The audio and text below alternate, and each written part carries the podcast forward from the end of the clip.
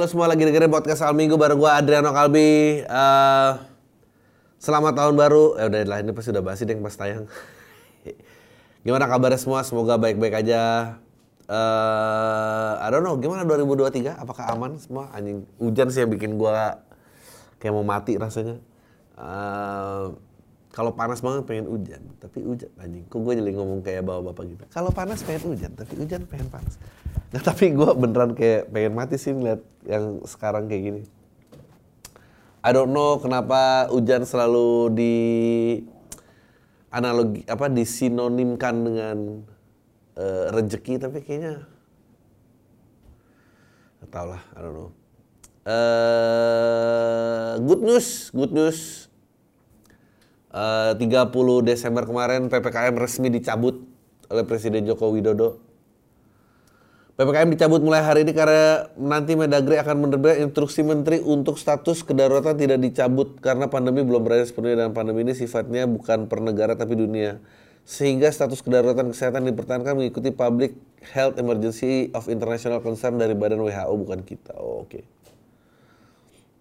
Ya, it's gue sih nggak nyangka sih bisa ada di tempat yang sekarang karena kayak men 2020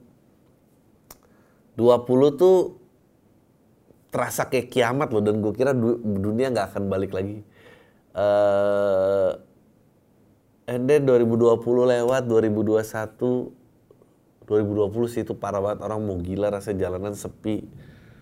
You don't know where to go Keluar juga kayak sesuatu yang ilegal gitu and then 2021 habis itu 2022 ya kayak ya udah gitu. 2022 sebetulnya udah normal sih tapi ya masih setengah-setengah lah. Sampai akhirnya wah PPKM beneran dicabut ya. Gue kira nggak akan pernah bisa balik lagi loh ini. Tapi ternyata balik lagi dan kerasa kayak ya udah bukan apa-apa gitu lewat aja gitu aja.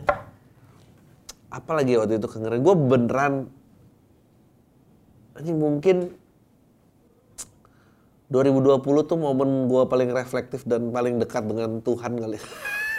Bener-bener kayak wah gue rasa kiamat dan segala macem. Tapi mungkin gitu kali ya anjing gue kalau mau kasih positif spin dalam podcast ini mungkin hal yang lu kira nggak ada ujungnya pun juga ternyata ada ada ujungnya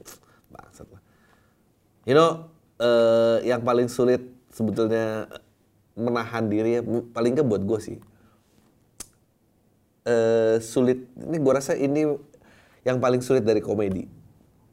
Menjadikan bahwa segala sesuatunya itu tetap tidak terduga dan tetap lucu daripada hikmahnya yang keluar aja. Karena kayak, kayak sekarang tuh karena lagi trennya juga gue rasa kayak eh, being gentle to your soul. Apa eh, nggak apa-apa untuk tidak apa-apa aja. Eh, lo harus ucapkan selamat dari lo. Jadi banyak yang jadi kayak gitu-gitu. Gue nggak suka gue lembek-lembek. Gue beneran kayak apa sih lo ah? gitu. Em, tapi eh, sekarang lakuin komedi gitu jalan tuh sometimes you don't know where to go gitu. Dan kadang lu pengen kayak anjing apakah semua ujung seni itu hanya bentuknya nasehat? Nggak bisa kayak bentuk kekacauan itu aja terus menerus gitu. I, I don't know gue nggak tahan. Kayak gue juga nggak sanggup deh kayak semoga tahun depan menjadi tahun yang kalian selalu harapkan atau apa gitu-gitu. Nggak mau gue. Dan gue kayak kadang tuh pengen kayak gitu juga tapi kayak apa ini tanda gue udah tua ya gitu. apa gue kayak lu tuh gue nggak ada. Gue tuh dulu nggak suka gue tahun baru, ulang tahun, semua seremonial seremonial. Sekarang lama-lama kayak banyak manfaatnya juga. tahun baru ini momen reflektif dan segala macam anjing. Sedih, sedih, sedih, sedih. Gokil. Emosi dibangunkan untuk sholat tahajud. Berita berita ya. Jadi alasan pria di Kediri bacok ayah sendiri gokil. Pria Kediri tega membacok ayah kandung bertubi-tubi. Tak terima dibangunkan oleh sholat tahajud oleh Nah, menurut gue eh nggak ini berdasarkan pengakuan siapa gitu anaknya nggak mungkin. Ini gue rasa pasti ada kebencian lain dari anak terhadap bapaknya yang yang mungkin gak diceritain. Emang mestinya kalau mau ngelawan tuh jangan sampai mati sih karena kalau sampai mati jadi lo yang salah dan lo nggak tahu cerita sebenarnya lo nggak tahu kayak bapaknya tuh sebenarnya gimana. lo nggak pernah tahu dia benerin dia bangunin anaknya bagaimana. Gue tuh kayak ah, nggak tahu.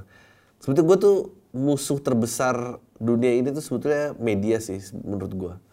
Karena the way they craft the title tuh emang buat nge-trigger orang. Gue I'm all in for free speech. Tapi penyiaran penyiaran berita tuh it, it, itu yang tricky kayaknya harus dibatasin nih. Kayak di sini ada elemen keagamaannya, di sini ada I don't know, jadi seolah-olah kayak ah, kenapa lu berusaha potre agama yang terkait itu violence apa gimana gitu? Emosi dibangunkan untuk sholat tahajud jadi alasan pria di Kediri untuk bacok ayat sendiri. Ini, pertama ini apa pengakuan si pria apa saksi mata dari ibunya? Iya emang tuh anak cuma dibangunin tahajud doang nggak terima langsung bacok-bacok. Nggak. Terus dibacoknya apakah keadaannya bapaknya tidak melihat gitu? Karena kalau gua jadi bapaknya begitu anak gua baca bawa golok sih gua akan kayak yaudah yaudah yaudah gak usah sholat tahajud. Gak mungkin dong kayak anaknya udah bawa golok. Apa? Mau apa? Cepet sholat apa mau bacok gua anjing. Kenapa gua jadi memperparah beritanya? Ah tau lah, I hate how it formulated. Dan kayaknya gua juga tambah parah nih membuat beritanya. Perempuan Makassar viral keluhkan polisi suami hilang malah disarankan cari baru aja. Again ya, komedian pengen jadi bijak tapi profesi lain pengen lucu. Um,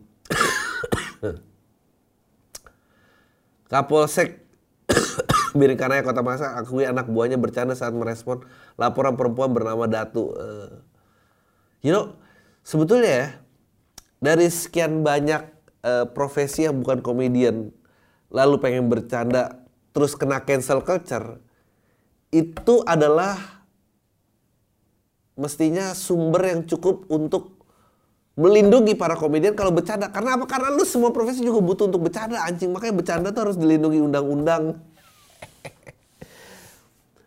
Karena apa? Gak enak kan lo kalau kena cancel culture kayak gini kan? Emang enak. Makanya polisi itu juga harus dekat sama komedian. Semua politisi dekat sama karena lu semua Gak tahu kalau gue sejujurnya mau pesannya beda nggak apa-apa tapi gue di belakang komedi. Karena menurut gue ya gue bisa kebayang gitu polisi yang mengangkat telepon dan mas tolongin mas suaminya hilang. Ya, cara makanya cari aja yang baru bu. I think it's a funny joke. Dan gue yakin satu stasiun polisi itu juga ketawa. Lucu lah. Masa suaminya hilang? Gue bilang aja suruh cari yang baru. I mean lo menghibur banyak orang tapi sekarang udah ini langsung di cancel dengan hashtag percuma lapor polisi ya kan makanya orang tuh harus ngerti ngejok itu boleh-boleh aja um, anjing lucu banget Dat, Datu awalnya melaporkan hilangnya Hagai sang suami. Terakhir kali berkomunikasi pamit padanya hendak membeli gagang pintu. Namun sejak pertemuan terakhir tanggal 27 Desember itu, Hagai tak kunjung pulang lantaran balik. Datu menghubungi semua kenalan namun satu kali 24 jam suaminya tak kunjung pulang. Ya, kalau satu kali 24 jam mah ya banyak lah suami yang kayak gitu. Jadi udah dua minggu, berarti kayak satu kali 24 jam. Ini emang udah kejebak janji. Lagi pula, kenapa gagang pintu menjadi kebutuhan yang mendesak ya untuk Nggak, gue mau nyalain istrinya. Kenapa orang izin beli gagang pintu diizinin? Sedarurat apa nggak ada gagang pintu? Pintu yang mana anjing? Anjing ini ketahuan banget nih alasan. Kenapa udah absurd begini? Orang yang biasa hilang ya, biasanya alasannya lebih kompleks daripada ini. Dia juga mungkin si Haga ini kayak anjing dia percaya lagi gagang pintu. 27 Desember kayak toko material udah pada tutup deh semua. Kenapa juga lu? Jadi wajar polisi membercandakan Anda seperti itu. Ya, gue dukung polisi kali ini. Pokoknya kalau yang bercanda gue dukung deh. Goblok. Oke. Oh, ini Elon Musk bakal mundur sebagai CEO Twitter setelah temukan orang yang cukup bodoh anjing. Tapi si Elon Musk sih keren banget sih cara dia mecat-mecatnya itu dia mecat. Lo harus lihat bocoran-bocoran email yang dia kirim ke karyawannya untuk mecat dipecat pakai memes-memes gitu. Tapi ya uh, dia mundur dia akan berfokus pada software dan servernya. Saya akan mengundurkan diri sebagai CEO setelah saya menemukan seorang yang cukup bodoh untuk menerima pekerjaan itu. Setelah itu saya akan hanya menjalankan tim perangkat lunak dan server. Ini, ini menarik. Tadinya gue kira kayak... Um, gue kira dia kejam banget, kejam banget, kejam banget. Gue nonton, dia diwawancara siapa, bagus banget. Dia bilang gini, menurut lo kalau lo jadi CEO-nya Twitter, dan lo boleh ngarang bebas, berapa orang yang lo butuhin untuk ngejalanin Twitter? Berapa? Lo sebut angkanya bebas berapa? 300, 500, 800 gitu. Lu yang gak ngerti apa-apa dan lu sebut. Orang-orang banyak nyebut. Terus dia bilang gitu. Lu tau gak karyawan Twitter berapa? Karena Twitter tuh 2000 lebih. Anjing. Bener juga ya. Jadi lu sebut asal aja. Itu gak nyampe dengan karyawan sekarang. Jadi emang udah ini. Gua kalau jadi dia, ya mungkin gua akan melakukan hal yang sama kali ya. Gue sama ya harus bayar pesangon juga. Jadi sekalian aja gue bikin memes lah. Um, ya Gue rasa semoga, I don't know. Gue berharap Twitter uh, keluar dari networknya Facebook. I don't know tweet if Twitter tuh di own nama Facebook apa karena Instagram di own nama Facebook um, dan kayaknya uh, narasi-narasi dari Facebook tuh udah mengarah ke suatu titik dan orang yang bertentangan dari titik itu kayaknya lagi dihilang-hilangin. Wah uh, salah satu Andrew Tate. Wah, Andrew Tate ditangkap di Romania katanya beritanya uh, karena debat sama Greta Thunberg. Padahal sih backstorynya bukan itu. Uh, ada prediksi tweet orang uh, dia mantan CIA, mantan CIA atau mantan FBI gitu. Dia bilang uh, Desember, pokoknya dia nge-tweet September apa Oktober dia nge-tweet akhir tahun Andrew Tate akan ditangkap. Jadi Romania uh, is under a lot of pressure untuk menyingkirkan Andrew Tate. Jadi ditekan dari US sama uh, banyak uh, teknologi companies yang emang udah nggak suka gitu. Uh, karena dia mempengaruhi banyak anak muda. Um, dan banyak, YouTube kan juga network yang sama ya. Jadi YouTube, Facebook, Instagram tuh emang kayaknya aduh along the watchtower men. Kalau dia mengawasi semua siapa yang ngawasin watchtowernya ada lagi Josefina kalau nggak salah itu juga. Pokoknya yang anti anti um, feminis itu lagi disikat-sikatin. Which is sad. Karena I don't know. Mungkin kalau semua mati bisa podcast awal minggu kali jadi sumber kebenaran kita semua oke okay. Men, tapi ya nggak ada yang lebih hebat lagi daripada oh ini lagi. Gue tuh nggak berkomentar tentang anak ini karena ya gue rasa semua orang boleh dapat rezekinya dan gue kayak oh, gue kayak tua banget ya mau komentar anak ini. Tapi tapi emang udah tua emang survive di dunia hiburan tuh susah men. Gue berusaha menjadi komedian yang baik, gue berusaha jauh dari masalah Ternyata yang ngangkat orang paling cepat adalah masalah. Karena Fajar set boy naik ke permukaan cepat sekali anjing. You know, good for him. Gue sih melihatnya dia sebagai orang yang polos gitu. Uh, Bener-bener emang pengen memenangkan cintanya. Uh, dia tidak mengerti tekanan dunia entertainment. Dan dia udah mulai masuk industri. Gue mendingan orang yang sadar bahwa itu gimmick kalau enggak dia kayaknya bukan gimmick kayak dia emang beneran sedih. Dan dia mampu membuat kata-kata yang baik gitu. Dan dan kayaknya uh, menjunjung tinggi perempuan banget. Tapi kita cuma ngata-ngatain dia. Uh, dan dia nggak ngerti sebetulnya kenapa dia dikatain. Gue tau gini karena ya Dustin juga sama. Maksudnya dalam kepolosan itu tapi dia akan punya kondisi yang lebih sulit lagi daripada Dustin Karena Dustin apa? Karena Dustin aja boleh jatuh cinta dan kita baik-baik aja.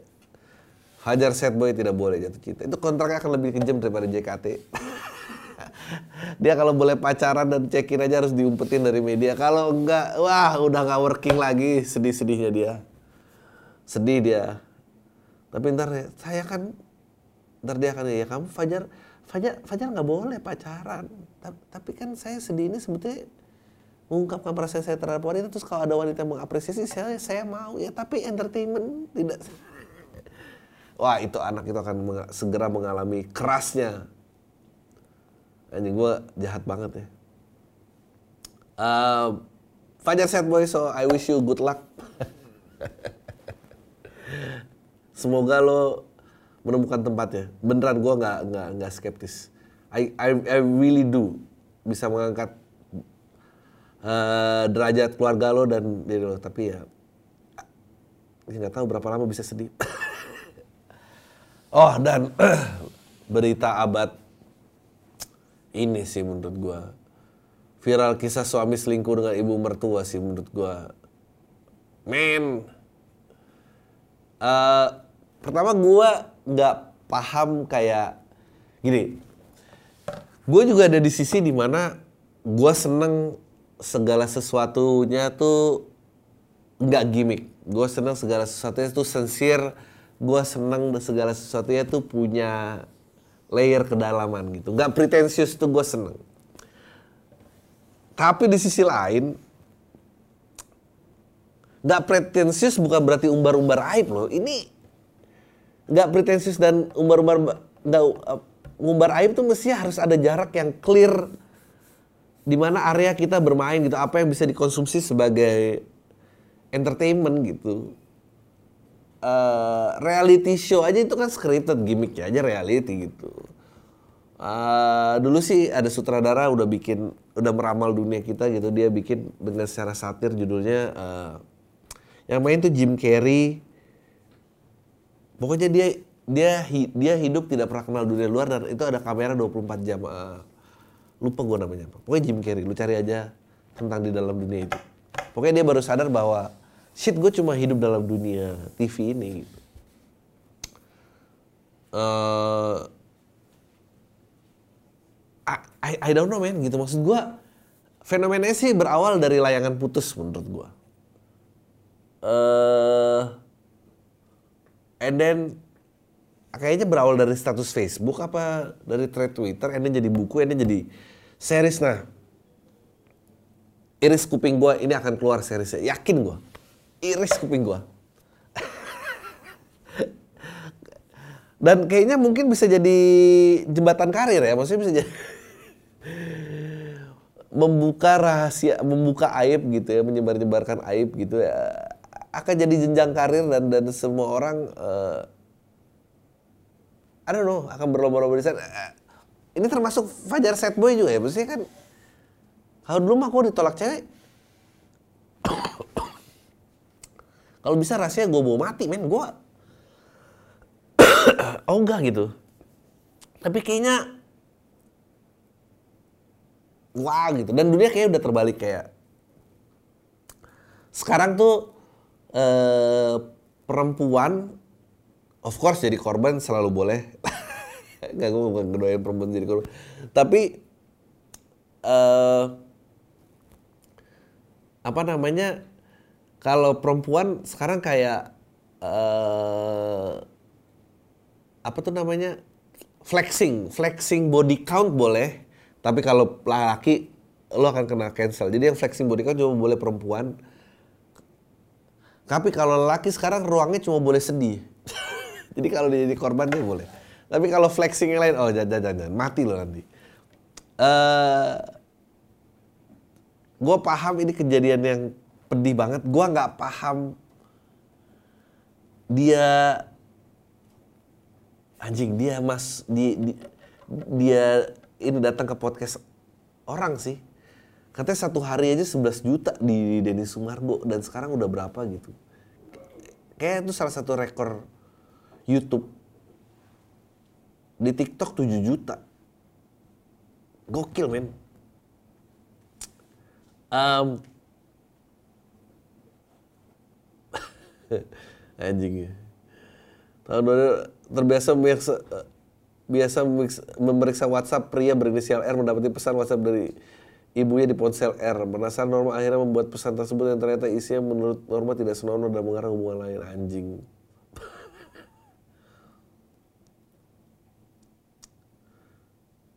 Belum pernah hubungan kayak gitu tapi itu udah gak wajar aku masih diam. Ya. Kawinnya lima tahun. Terus ibunya minta maaf, eh diposting lagi. Ya.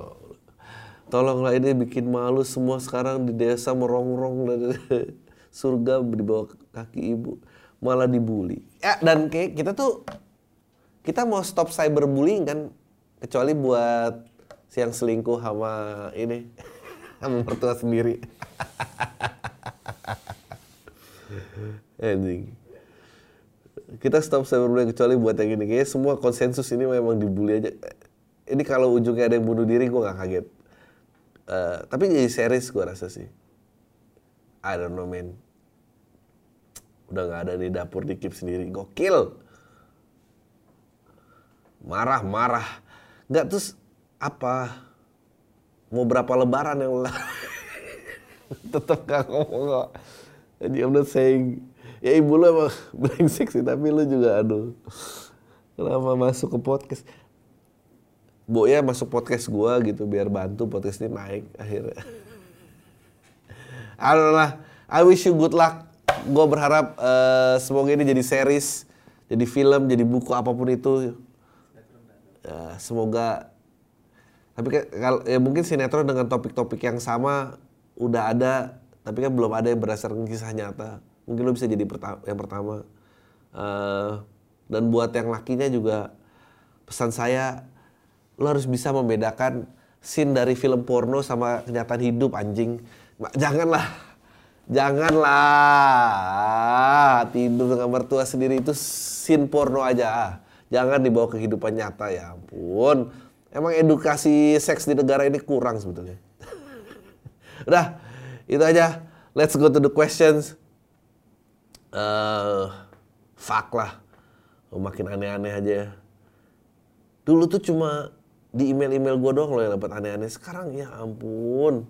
Dunia nyata udah lebih aneh daripada gue dulu tuh ada pride. Ngemail ke podcast al minggu dan cuma diomongin sama kita kita Ben udah 20 juta lebih bangsat violence without social media Hah?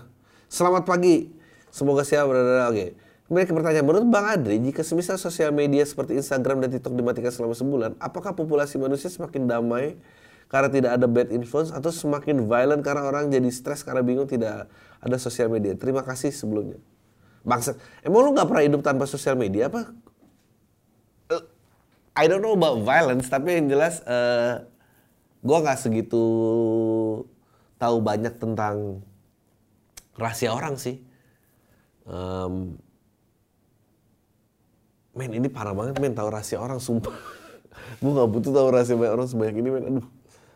Gue ngebayangin ngilu. Uh, eh, gue rasa yang menghentikan violence dari manusia itu bukan sosial media sih emang. Ya emang orang udah nggak makin gak violence aja sih menurut gue oke. Okay. terjebak perbedaan agama dan menemukan orang yang dibutuhkan. Jangan sebut nama gue bang, gue mau cerita gue pria berusia 24 tahun saat ini. Si Adri ngata-ngatain orang buka-buka aib sendirinya. Ngajak orang ngemail buka-buka aib juga. Saat ini gue sedang berada di hubungan pacaran cukup lama sekitar 8 tahun dan beda agama sampai akhirnya ke sini gue makin sadar segala segalanya sudah perlu dipikirkan untuk ke jenjang lebih serius semuanya gue timbang kemungkinannya ekspektasinya so far secara hubungan kita baik-baik aja dan sangat jarang ada masalah Mungkin karena sudah cukup lama jadi banyak hal yang sudah saling mengerti. Oke sampailah. Akhirnya tibalah. Anjing lu nulis aneh banget sih. Oke sampai akhirnya tibalah. Di waktu yang cukup gue cukup oke untuk ngebahas hal ini. Jadi kalau dari gue, gue udah cukup yakin dengan keyakinan gue yang pegang dan gue nggak mungkin untuk convert. Nah, gue tanya ke dia, bagaimana kemungkinan di dia? Jadi dia berasal dari keluarga yang beda agama gitu bang. Agamanya di saat ini nama dengan bokapnya nggak mau berapa kali dengar bahwa bokapnya itu sangat strict contoh case dia ngekater kolom agama di KTP nyokapnya dibolongin gitu. Berapa kali dia dengar bahwa cewek gue pacaran sama uh, sama sama orang muslim terus dia bilang mau jadi apa kamu saudara-saudara kita pada nikah di gereja kamu malah begitu. Mendingan saya mati aja. Lah tadi katanya nggak katar KTP nyokapnya. Mendingan saya mati aja. Akhirnya pas gua tanya kemungkinannya gimana jawabannya? Anjing apa pun masalah yang lu ceritain ya kalau lu temenan sama orang yang ibunya sendiri diselingkuhin sama pacar. Dia pasti saya eh gue anjing tuh orang itu nggak akan punya teman eh gue sedih banget gue udah pacaran beda agama gini gini gini. Gue bilang ke bokap cewek gue dia bilang bapaknya mendingan gue mati aja. Ah lu mah masih mending men. Suami gue tidur. Nggak akan ada yang kalian masalahnya emang anjing. Uh, akhirnya pas gimana saat ini saya belum tahu condong ke mana ke agama yang sekarang aku nggak ada ketertarikan untuk jalanin untuk ke yang lain pun aku belum terdorong untuk mempelajari. Kalau misal kamu nungguin aku gimana? Misalkan dua tahun lagi kamu nunggu dan ternyata penemuan aku itu bukan penemuan yang bisa membuat kita bareng, gimana? Di situ gue bingung sebingung-bingungnya bang, karena ekspektasi gue jawabannya bisa atau tidak, malah dikasih opsi lagi. Kalau dari gue sih memang gak bisa bareng ya sudah siap kehilangan dan akan mengikhlaskan. Karena gini bang, gue ngebayangin akan lebih banyak konflik. Oke. Okay. Di satu sisi gue ketemu juga anak kantor. Ah, tai. Bilang aja lu udah ketemu yang baru. Gue usah sok bawa agama. Sok-sok pakai alasan dah. Karena anaknya baru. Ya, anaknya apa? Pintar, penuh strategi dan seagama. Ya kan ujungnya gitu doang. Penuh strategi, cukup berinteraksi dan cukup wow di mata gue bang ya dia jadi orang yang gue kagumin dan gue simbol di kepala aja sampai akhirnya kita obrolan tentang kekaguman terhadap seseorang bahasan itu muncul dari dia ngobrol-ngobrol gitu dan akhirnya gue cium gak nih uh, dan akhirnya dia bilang ada sesuatu dia kagumin di kantor dan gue pun juga bilang gitu obrol berhenti sampai di situ bang. Sama-sama gue nggak nyebutin siapa orangnya. Terus selang beberapa hari dia tanya hal itu lagi ke gue tapi dia mau tahu lebih spesifik. Aku idolain kamu. Uh, gue agak menolak untuk menyebut tapi akhirnya gue sebutin orangnya adalah dia. Alah tai alasannya gue sebut karena pembawaan dia cukup asik dan tidak intimidatif dari orang di situ. Dia pun ngasih tahu bahwa yang dia kagumi itu adalah gue cie karismatik itu. Ci gitu. Sorry bang. Iya emang gue udah ada tahu kok tembakannya ke sini uh, eh sebelumnya kejadian gue bahas tentang kerjasama eh, tentang ah bisa banget loh. Anjing banget orang. Sebelumnya sebelum bisa ngobrol gini gue bahas tentang kejelasan gue sama cewek gue bang cie ah buka-buka kartu sendiri nah waktu itu dia juga ada cowoknya tapi toxic gitu bang manipulatif. Kayak yang lu suka bahas di Happy Broken Family bareng Gian jadi cukup relate. Jadi ceritanya sekitar tentang rumitnya hubungan masing-masing dari kita. Yang satu terjebak di hubungan manipulasi satu terjebak di situasi beda agama gitu dah. Ya ya ya ya ya, ya apa ngancam-ngancam wah walaupun masih suka ngancem kontek-kontekin terus sampai sekarang. Dia bilang dia bisa tegas untuk mutusin cowoknya karena sosok gua bang. Dah. Waduh di situ gua bingung. Merasa beban aja. Karena di sisi gua belum kelar kan. Ditambah lagi dia nanya apakah dia boleh nungguin gua atau enggak? Sampai akhirnya gua tanya sama dia apakah kemungkinan untuk kita bareng? Gua selalu kabur. Untuk mengalihkan bang ketika ditanya begitu. Kayak emang karena cewek lain nih mah karena ya gue belum bisa jawab dan masih ada hal yang masih belum selesai gue sebetulnya dia adalah orang yang gue butuhin aku pret uh, karena menurut dia nggak bisa gimana ya bang? Di satu sisi gue nggak mau bikin dia jadi orang ketiga tapi gue belum nemu way out dari hubungan gue anjing. Di sisi lain gue juga nggak bisa ambil buru-buru ambil sikap atas hubungan gue anjing. Gimana menurut lo? Karena gimana pun gue harus nyelesain dengan sebaik-baiknya karena dia melakukan kecewanya si bang gue sedih dan di, bikin dia kecewa karena harus kehilangan satu kesempatan untuk bisa bareng dia cia. merasa sangat kehilangan bang jujur. Kalau emang merasa kehilangan kasih tahu dong lo udah deket sama cewek lain. Uh, menurut gua menurut gua ya lo emang nggak mau rugi aja. Nggak mau rugi aja. Uh, lo nggak mau rugi uh, lo nggak nggak sanggup jadi orang yang buruk dalam relationship itu uh, menurut gua uh, kalau pakai bahasa sekarang lo tuh orangnya gaslighting karena bukan dia yang salah lo yang salah uh, kan uh, mantap cewek lo yang mau lo ajak nikah itu kan udah keluar dengan jawaban. Kalau lo nggak sanggup dengan syarat ini, bilang aja nggak sanggup. Nggak, gue nggak sanggup deh, gue butuh jawabannya sekarang. Kalau dia jawabnya iya, ya lo harus tanggung jawab. Kalau enggak ya jangan dilempar lagi ke dia. Lo harus bisa bilang kayak, apa pun jawaban kamu sebetulnya aku udah nggak sanggup sih. Ini aku sih yang nggak sanggup. Lo bilang gitu aja, ah, tapi nggak akan berani lah. Uh, dan sebetulnya lo sama orang dekat sama orang baru tuh orang yang bahaya karena ya dia juga baru benar-benar berani mau ninggalin uh, pasangannya karena udah ada lu sih. Tapi gak tau lah. Lo mau tanya, anjing, sorry bukan tentang patungan check-in. Patungan check-in tuh sebetulnya email udah lama banget, tapi kayaknya melekat banget. Waktu zaman Nabi, katanya kiamat sudah dekat kalau dibaratkan seperti nenek-nenek tua.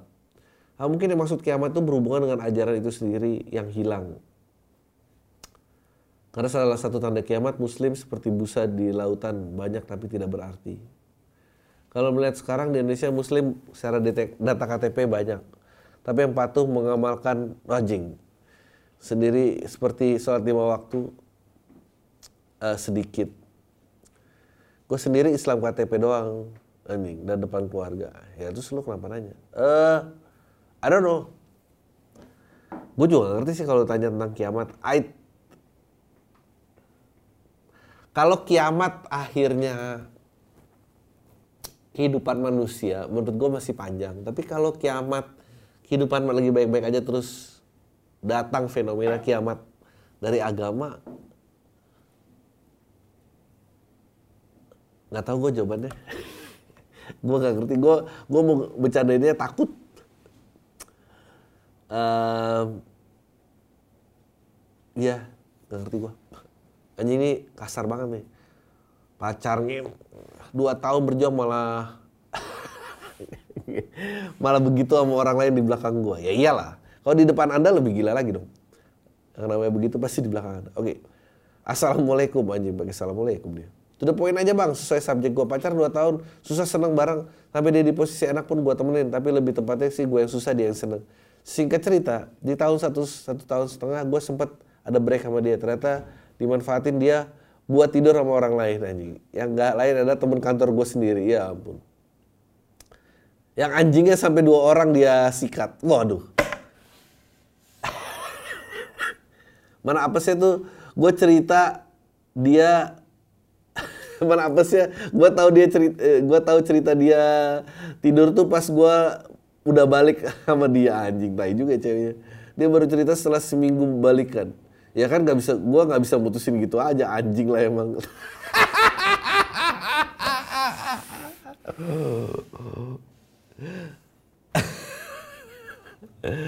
aku mau cerita apa aku sempat tidur sama temen kamu. Tapi kan itu pas kita putus kan jadi kamu nggak apa-apa kan? Ah fuck lah. Udah jalan kedua tahun di tengah jalan dia malah ngebandingin gua sama orang ketiga yang selama dia pas nggak baik-baik. Emang cewek bangsa tuh tolong bang katain gua goblok atau tolol. Biar gue kagak tolol bertahan di hubungan asu ini. Sekian bang Adri. Not kalau diceritain nanti gue lanjut part 2 nya bang. Uh, eh tolong kirim lagi. Uh, nggak lu tuh nggak tolol cewek lu lebih pinter aja tapi ya salut buat cewek lo karena disikat circle deket laki lo. Anjing, dia bukan nyikat yang jauh, nyikat temen kantor ya anjing. Enggak, tapi gua rasa ya lu juga ada yang salah pasti. Sampai dia berani nyikat temen kantor lo ya. Anjing. Tapi yang gua pukul duluan sih temen kantor lo sih. Karena bro, yang bener aja lu bro gitu. Udah gitu cewek lu lagi yang cerita. Bukan temen kantor lu bilangin gitu, mending lu jangan balik. Dia habis. dia habis ini aduh bener sedih lah uh, oke okay. Gue mau nanya belakangnya soal warga Twitter yang banyak ngetit screenshot orang di TikTok mandi lumpur dan kata-katanya itu manfaatnya yang menyebar kebodohan dan lain-lain. Ada juga bilang budaya ngemis-ngemis kayak gitu bisa menjamur dan jadi contoh buruk. Menurut lo bang, sebagai ahli dalam TikTok, bukannya tren hiburan kayak gini nggak bakal hilang ya? Apakah apa cara atau segmennya yang aja beda? Uh, menurut gua selama wah, keberhasilan hidup diukur dengan uang manusia akan terus keluar cara-cara kreatif untuk mendapatkan uang. Uh, dan gak apa-apa sih menurut gue. Uh, yang bahaya adalah pembicaraan kualitas tuh akan berujung ke fasisme gitu. Uh, kalau memang demokrasi yang dilulukan ya nggak apa-apa optionnya ada tapi lo nggak ambil. But then again, ya gue punya faith sih terhadap manusia ini akan lewat tapi ya gimana ya susah lah jangan deketin cewek atau cowok yang mati yang ditinggal mati pasangannya anjing. Nah ya dong gue baru nonton video abang di channelnya Panji soal Will Smith dan Jada terus abang bilang jangan deketin cewek atau cowok yang tinggal mati sama pasangan sebelumnya. Nah aku lagi dalam situasi ini bang ya dia pacaran lima tahun lebih terus ditinggal sama cowoknya. Nih ngejomblo berapa tahun terus baru buka hati pertama kali ke aku bang. Karena dia emang masih suka pakai barang peninggalan pacar yang meninggal itu. Sosmednya juga ada foto dia mantannya masih sering nyekar ya Allah. aku sih nggak cemburu, cuma gue ludain kuburannya. Gak deh. Ah, aku sih nggak cemburu, cuma kan abang juga suka bilang. abang juga bilang susah men bersaing sama orang yang meninggal. Pertanyaan di titik apa ya aku harus cabut dari relationship ini? Ah, Menurut gua kalau masih nyekar sih cabut sih. Atau gimana caranya biar relationship baru lima bulan ini bisa works ke depannya makasih Bang Adri. Um, gua nggak tahu sih karena orang meninggal tuh kan yang diingat baik-baiknya doang ya. Mungkin kalau dia hidup dulu lima tahun dia bakal ingat banyak jelek ya. Tapi kalau meninggal dia pasti ingat baiknya doang. Um, lu tanya gini ke dia, kamu tuh kakek, nenek, atau om, tante yang keluarga yang meninggal ada nggak? Kalau dia jawab ada, nah kamu nyekar ke kuburan keluarga yang meninggal sama ke mantan kamu tuh lebih sering mana? Menurut gua kalau dia lebih sering ke mantannya, menurut gua lu keluar. Menurut gua ya, menurut gua kalau cuma pacar, lu nggak nyekar sih. Lu boleh Lo boleh pacaran orang yang ditinggal pacarnya meninggal, anjing yang ditinggal pacarnya meninggal. Tapi kalau masih nyekar jangan. Lo ngapain? Lo gimana? Lo mau terima WhatsApp, aku nyekar dulu ya. Terbalik kabarin atau apa? Mau temenin, anjing lo ikut mayungin gitu. Bang beli bunganya bang. Jadi kayak menurut gua gak usah lah bikin susah diri sendiri aja. Gue rasa jangan. Gue gue gak tahu batasan di mana. Menurut gue kalau nyekar lebih sering daripada ke anggota keluarga sendiri mendingan lu keluar. Udah, itu ya dari gue ada Kalbi. Tayo semua. Deh.